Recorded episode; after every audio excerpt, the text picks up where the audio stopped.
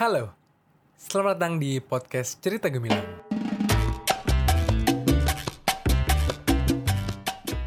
Ini adalah podcast episode ke-7 yang gue rekam di tanggal 25 Mei 2019 bertepatan pada hari Sabtu jam 2.32. Wah, udah mau asar nih. Halo semuanya, apa kabar? Uh, good to be back rasanya. Gua, oh iya gue kali ini mau taping podcast yang langsung satu roll gitu. Karena kalau kalian tahu gitu ya, kalau gue mau kasih tahu nih kalau podcast podcast sebelum ini tuh biasanya gue edit lumayan banyak gitu. Jadi kalau ada yang uh, gue diem terlalu lama, biasanya gue potong supaya kalian gak bosan dengerinnya. Atau karena gue tinggal di daerah uh, apartemen di Kalibata gitu, kan di samping gue tuh ada rel kereta ya, rel kereta yang Bogor Line itu. Jadi kalau keretanya lewat itu lumayan berisik cuy sampai ke atas. Dan biasanya di podcast gue gue potong-potongin, tapi coba kalau gue bikin podcast yang satu tape gitu gimana jadinya ya gini lah jadinya. oh iya kalian apa kabar?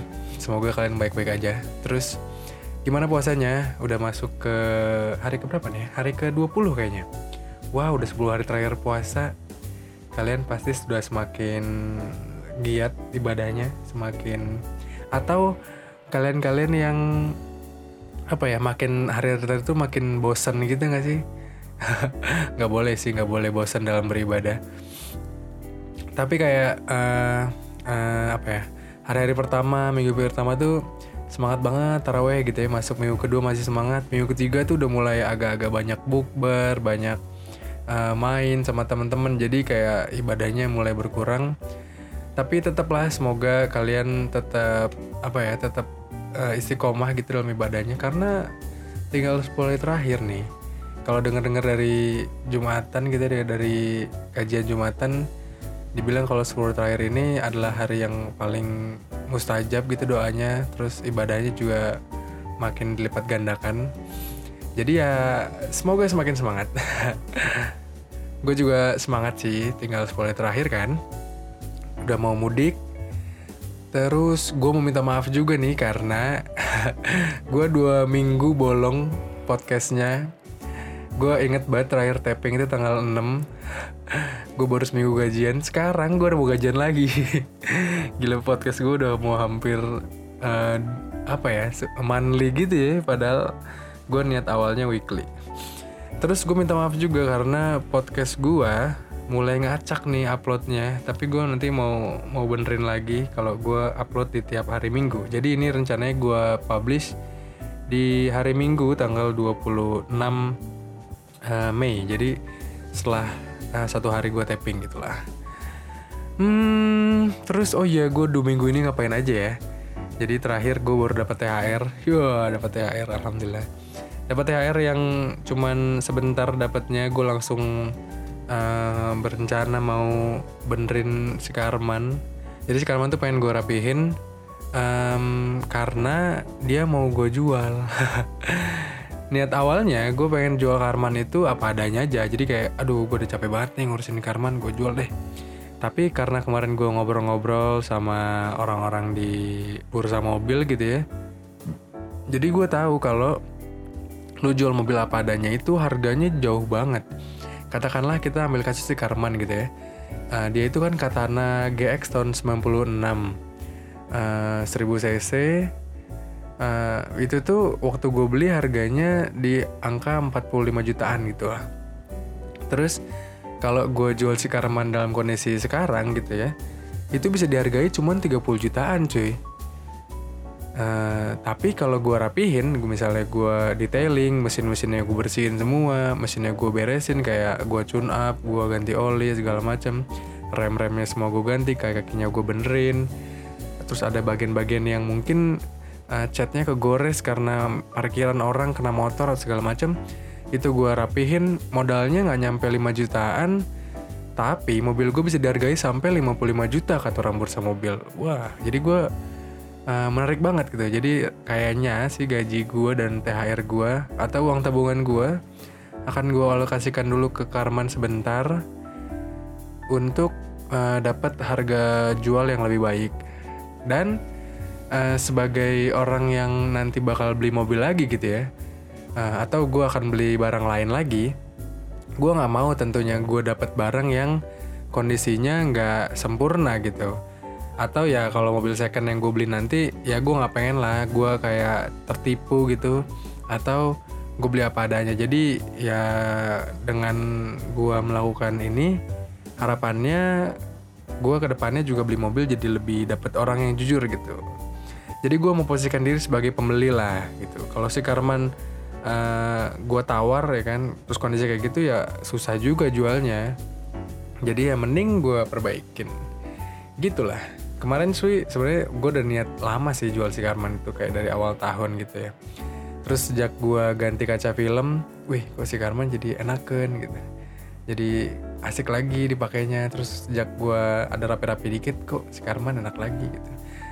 Tapi nanti pasti godaan itu akan ada tapi gue tetap harus sama um, keyakinan gue untuk menjual si Karman.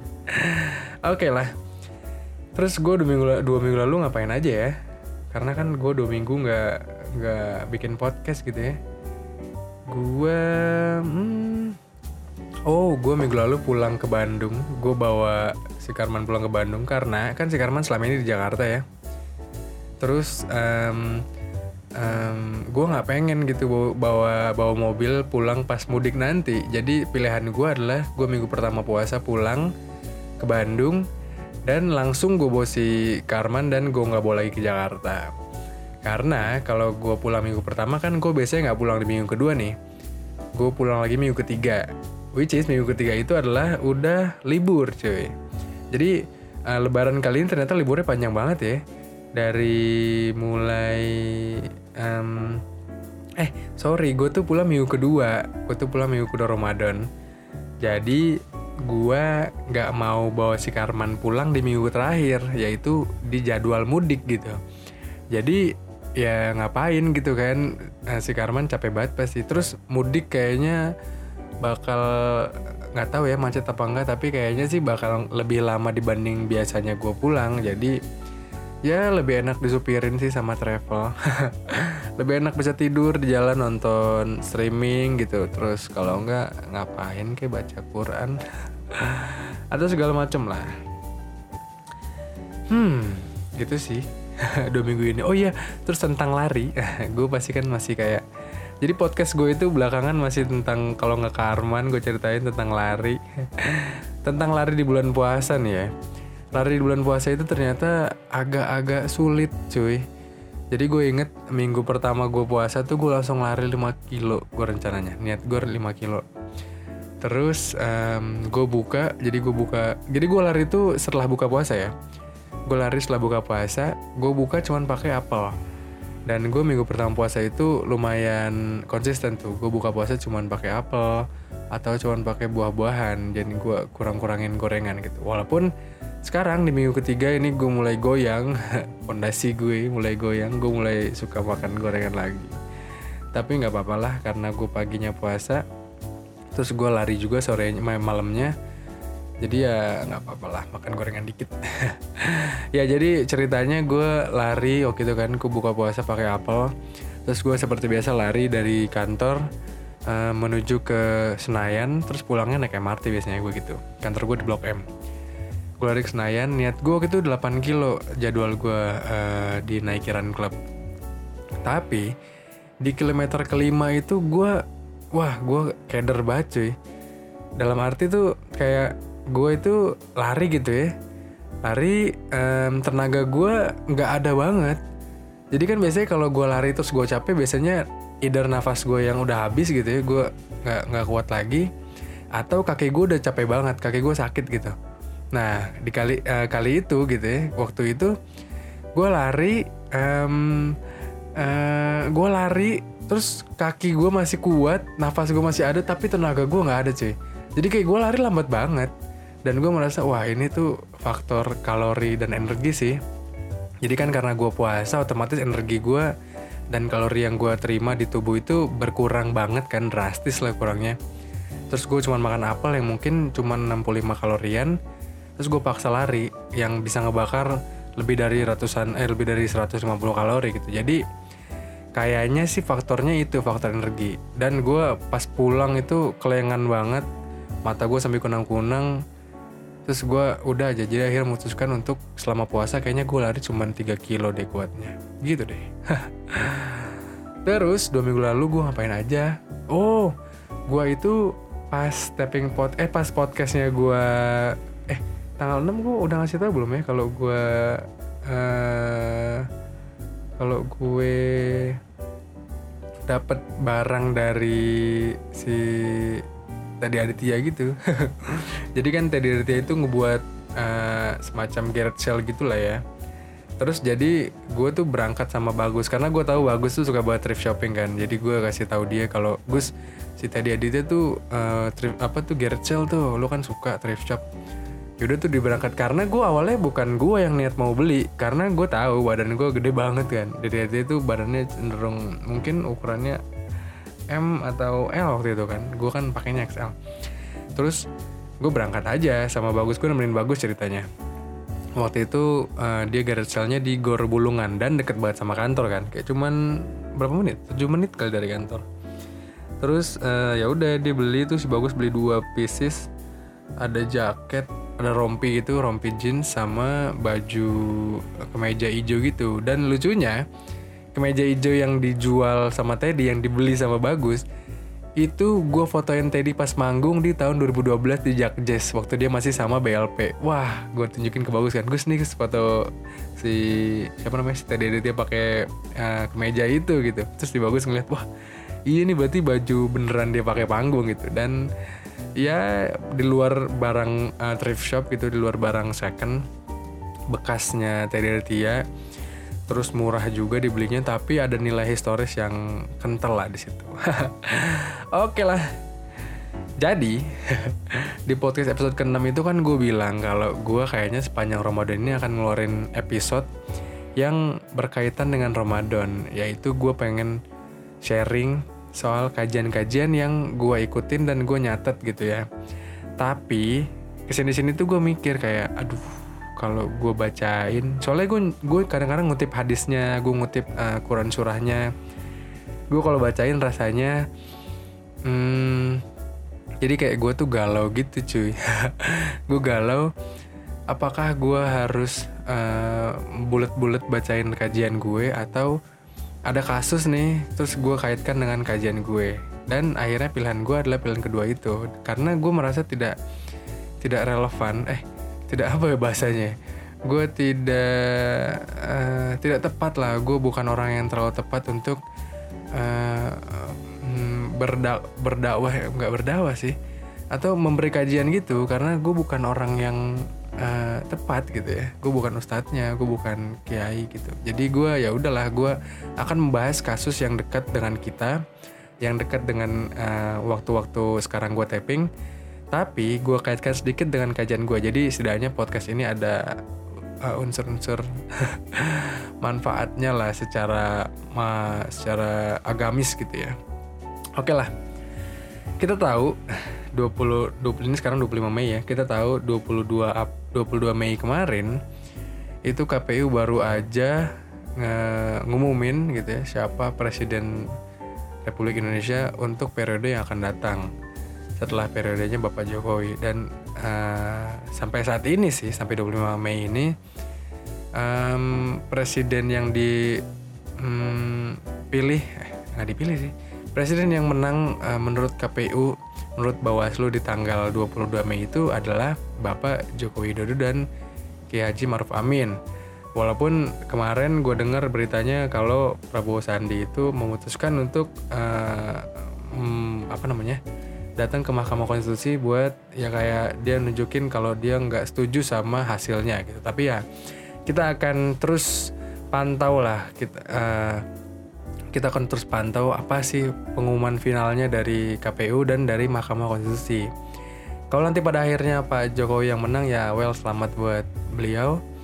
Kalau akhirnya Prabowo Sandi yang menang dan uh, atau apa pun keputusan dari MK ya kita harus ke kita harus uh, sama-sama setuju gitu. Kita harus sama-sama legowo dengan hasilnya gitu ya karena capek lah cuy negara ini terus-terusan konflik internal gitu ya kita terus-terusan konflik sipil karena beda pendapat.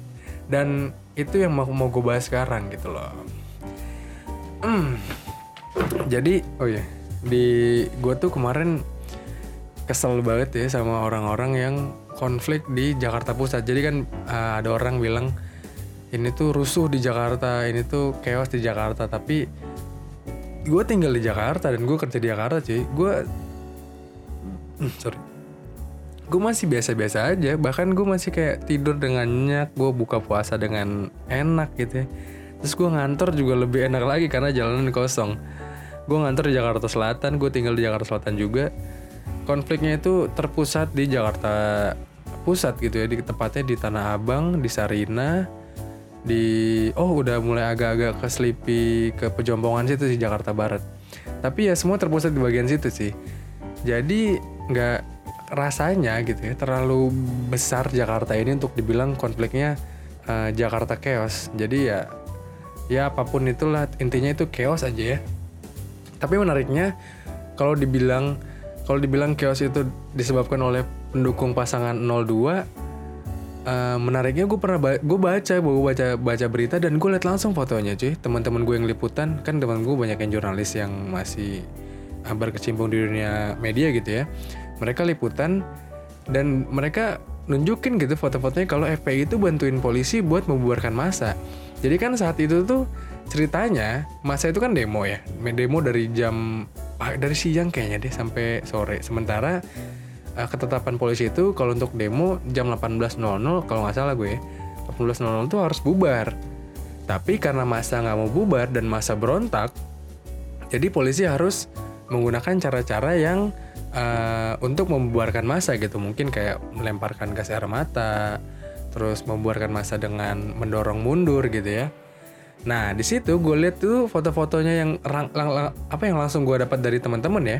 Itu tuh FPI yang notabene-nya adalah pendukung 02 pada saat pilkada eh saat pilpres 2019 ini itu bantuin polisi cuy. Jadi kalau dibilang itu adalah uh, masa dari uh, pendukung 02, rasanya yang chaos kayaknya bukan sih gitu ya. Dan gua kemarin ngobrol-ngobrol juga sama teman-teman gue ya. Uh, gue juga keluarga gue itu uh, pendukung 02 gitu bokap nyokap gue pendukung 02 di Medan dan mereka tuh aksinya damai banget kalau di Medan ya mereka bagi-bagiin bunga segala macam terus yang di Jakarta juga masanya itu uh, pas uh, pas maghrib doang sholat maghrib doang kayak demo aspirasi doang. Terus setelah itu mereka pulang gitu. Nah sisa lah orang-orang yang eh, nggak uh, tahu nih dari mana atau mungkin menggunakan momen ini untuk emang ribut aja. Jadi bocah barbar aja pengen ribut sama polisi gitu. Dan yang ditangkap pun bukan orang-orang yang uh, apa ya bukan orang-orang yang identik dengan pasangan 02 gitu. Jadi kayak orang bertato orang kan pasangan 02 tahu sendiri kan pendukungnya itu cenderung uh, orang-orang yang ikut di 212 ikut di uh, reuni akbar 212 juga terus aksi-aksi damai lainnya gitu yang notabene-nya adalah orang yang uh, Islam gitu ya muslim. Terus dia atributnya juga atribut uh, muslim gitu ya. Tapi yang ketangkep kayaknya bocah-bocah barbar tapi yang lempar-lempar batu ke polisi itu tuh orang-orang yang emang aji mumpung aja gitu ada demo nih ada masa ada keributan jadi gue pengen ikutan rusuh ah gitu ya. Ya nggak tau lah gimana kepastiannya tapi yang pasti Jakarta Pusat saat itu 20-23 Mei emang nggak seru banget sih kayak chaos gitu terus mengatasnamakan banyak pihak banyak golongan yang akhirnya merasa dirugikan banyak golongan yang akhirnya merasa tersindir walaupun akhirnya faktanya yang ditemukan di lapangan banyak yang simpang siur juga. Salah satunya mungkin uh, karena media yang terlalu memblow up uh, berita ini dengan uh, kurang hati-hati gitu ya. Maksudnya banyak media yang akhirnya mentah-mentah nulisin soal apa gitu dan mentah-mentah juga diterima oleh masyarakat. Jadi masyarakat punya pandangan yang buruk terhadap satu golongan gitu. Ya banyak lah tapi uh, dari situ gue pengen lihat uh, gue gue pengen uh, sharing ke kalian kalau itu semua itu menurut gue terjadinya karena uh, apa ya hmm, karena ego gitu loh cuy.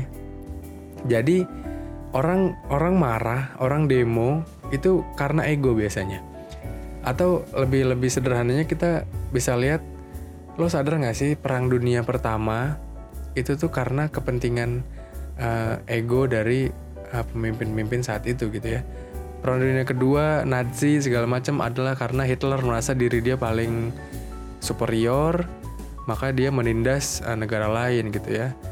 Terus konflik-konflik um, di mana-mana Amerika uh, uh, apa Amerika dan negara-negara di China gitu ya dia merasa Amerika lebih berkekuatan sementara China juga merasa lebih berkekuatan terus Korea Utara Korea Selatan pun begitu. Palestina Israel. Kita tahu sendiri kalau uh, Israel merasa itu adalah hak dia Palestina merasa itu hak dia gitu. Jadi ini semua konflik itu terjadi uh, di luar di luar siapa yang benar siapa yang enggak gitu ya. Ini semua terjadi karena diri kita merasa kita paling benar. Menurut gue gitu. Dan gue juga lumayan sering dapat kajian soal ikhlas gitu ya. Soal tentang berperilaku ikhlas berperilaku uh, mengalah gitu ya berperilaku ya berperilaku mulia gitu ya adalah yang paling dasar adalah dengan lo tidak tidak merasa diri lo yang paling benar sih gitu karena konflik itu pasti timbul karena lo merasa paling benar. Jadi ya sesederhana gue misalnya ya, gue misalnya cum laude gitu ya, ketemu sama teman gue yang nggak cum laude, nah itu lo dengar suara kereta api nggak? gue merasa cum laude, eh gue misalnya cum laude terus teman gue nggak cum laude, terus ketika kita dihadapkan dengan uh, masalah, kita dihadapkan dengan masalah yang harus berhubungan dengan um, pendidikan gitu ya, misalnya uh, ditanya sama orang ini jawabannya apa sih? gitu gue merasa gue punya punya apa ya gue berasa hmm, punya hal yang lebih baik dibanding dia gitu. Atau sederhananya gini deh um, hmm, apa ya gimana cara uh, ya pokoknya aduh nggak jelas beda pokoknya um, kalau lo merasa lo paling benar otomatis akan timbul dorongan bahwa lo harus apa yang lo katakan itu harus kejadian gitu. Ya katakanlah kayak hmm, yang kemarin terjadi gitu ya di dalam waktu dekat-dekat ini. Katakanlah uh, kayak uh, Prabowo dan Sandiaga Uno ke Jokowi Maruf Amin gitu ya. Ke 02 ke 01. 02 punya versi dia sendiri, kebenaran versi dia, 01 merasa versi Bawaslu versi KPU itu udah paling benar gitu ya. 02 eh, alhamdulillah sekarang legowo gitu ya. Dia ma dia main di jalur yang benar gitu ya. Dia masuk ke jalur yang benar. Dia eh, melaporkan ke MK gitu ya. Kalau ada kecurangan indikasinya segala macam ya tinggal tunjukin gitu kan. Itu adalah cara cara paling benar menurut gue untuk menunjukkan bahwa dia benar. Nggak dengan cara represif gitu nggak dengan cara dia dateng dia teriak-teriak kalau gue yang benar gue segala macam gue adalah orang yang paling benar buat uh, harusnya menang gitu ya. Itu akan akan menunjukkan akan menimbulkan konflik-konflik gitu. Ya gitulah. Jadi uh, poinnya adalah kita jangan sampai merasa kita paling benar karena uh, mungkin kebenaran versi kita itu adalah paling benar. Tapi menurut orang ya udah lu nggak usah nunjukin lo paling benar gitu. Walaupun gua salah ya udah cara lo nunjukinnya itu harus yang beretika juga gitu agar tidak terjadi konflik. Dan itu semua berpengaruh kepada itu semua uh, tentang self control gitu loh cuy.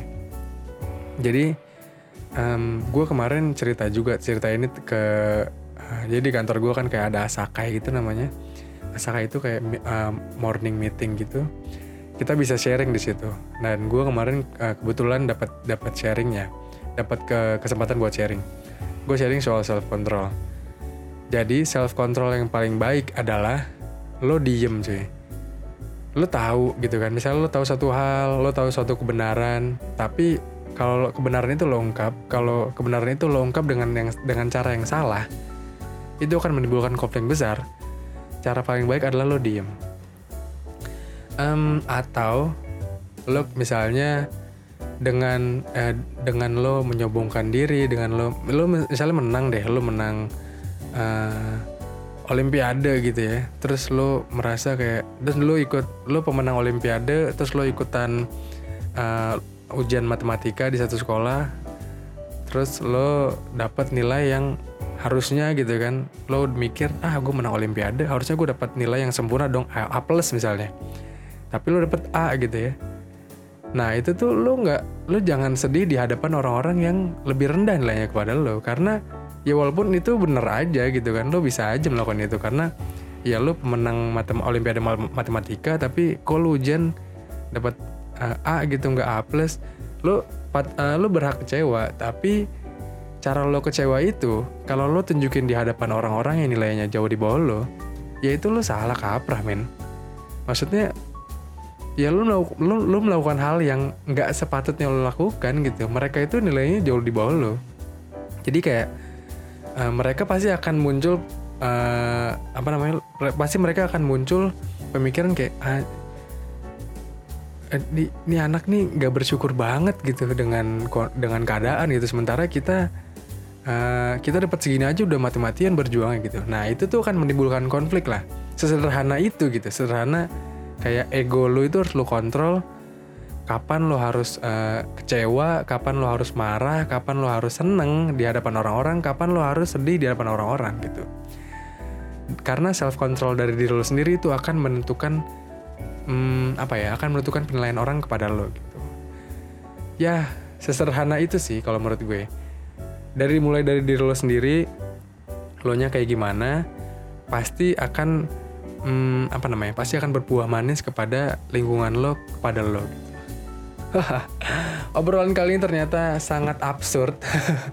Dari mulai gue ngomongin Karman sampai ngomongin lari, terus gue ngomongin nah, kemarin ada aksi di Jakarta, ada apa namanya, ada chaos di Jakarta Pusat. Sampai kita ngomongin self control ya itulah obrolan gue menjelang buka puasa ini. Belum sih masih bentar lagi asar jadi ya gitu terus gue pengen nyobain nih podcast kalau gue nggak edit gimana ya gue tetap masukin backsound sih tetap masukin backsound segala macam lah terima kasih sudah membiarkan gue cerita enak juga ternyata cerita langsung gini kayak ya gue bodo amat sih kayak sekarang udah mulai topiknya nggak jelas gue ngomongin apa tapi ya itu yang ada di otak gue sekarang itu yang ada di pikiran gue yang mau gue sharing ke kalian Terus terima kasih kalau buat kalian udah dengerin terus gitu ya. kalau kalian masih nungguin episode gue selanjutnya, ya terima kasih kalian bisa dengerin di Spotify dengan cara di follow juga. Kalau jadi kalau ada yang baru kalian bisa langsung tahu. Di Anchor juga kalau kalian mau download Anchor, walaupun agak-agak strange gitu ya aplikasi Anchor apa gitu. Atau kalau kalian dengerin di Apple Podcast, di Google Podcast ya kalian bisa subscribe juga. Oke, okay.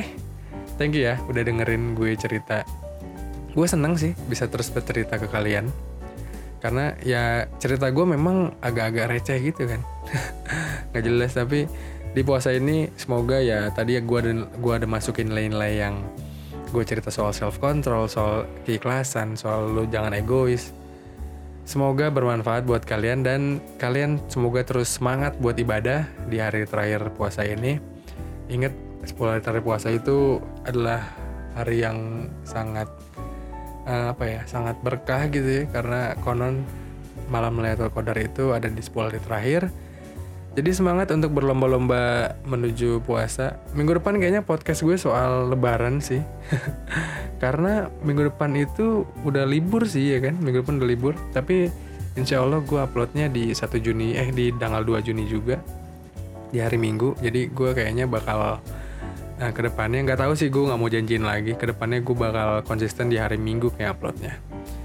Oke okay lah, kalau kalian gak suka dengerin podcast gue yang sendirian ngobrol, gue dengerin. Kalian bisa dengerin podcast yang gue barengan sama Bagus namanya, teman kantor gue di podcast mau ke mana. Di situ gue ngobrolnya berdua, kayaknya lebih asik kalau tektokannya. Lebih asik gue ngobrolnya, lebih asik ceritanya. Dan podcast itu uh, temanya itu kita kayak ngebawa kalian di ke tempat-tempat yang kita datengin gitu. Jadi kalian bisa ngerasain ambience langsung. Oke lah, terima kasih udah dengerin podcast episode kali ini. gue habis pamit dulu karena mau sholat asar dan mau mau apa namanya mau buka bersama nanti sama orang-orang kantor. Semangat puasanya, semangat ibadahnya dan gue akan terus bercerita. Sampai nanti.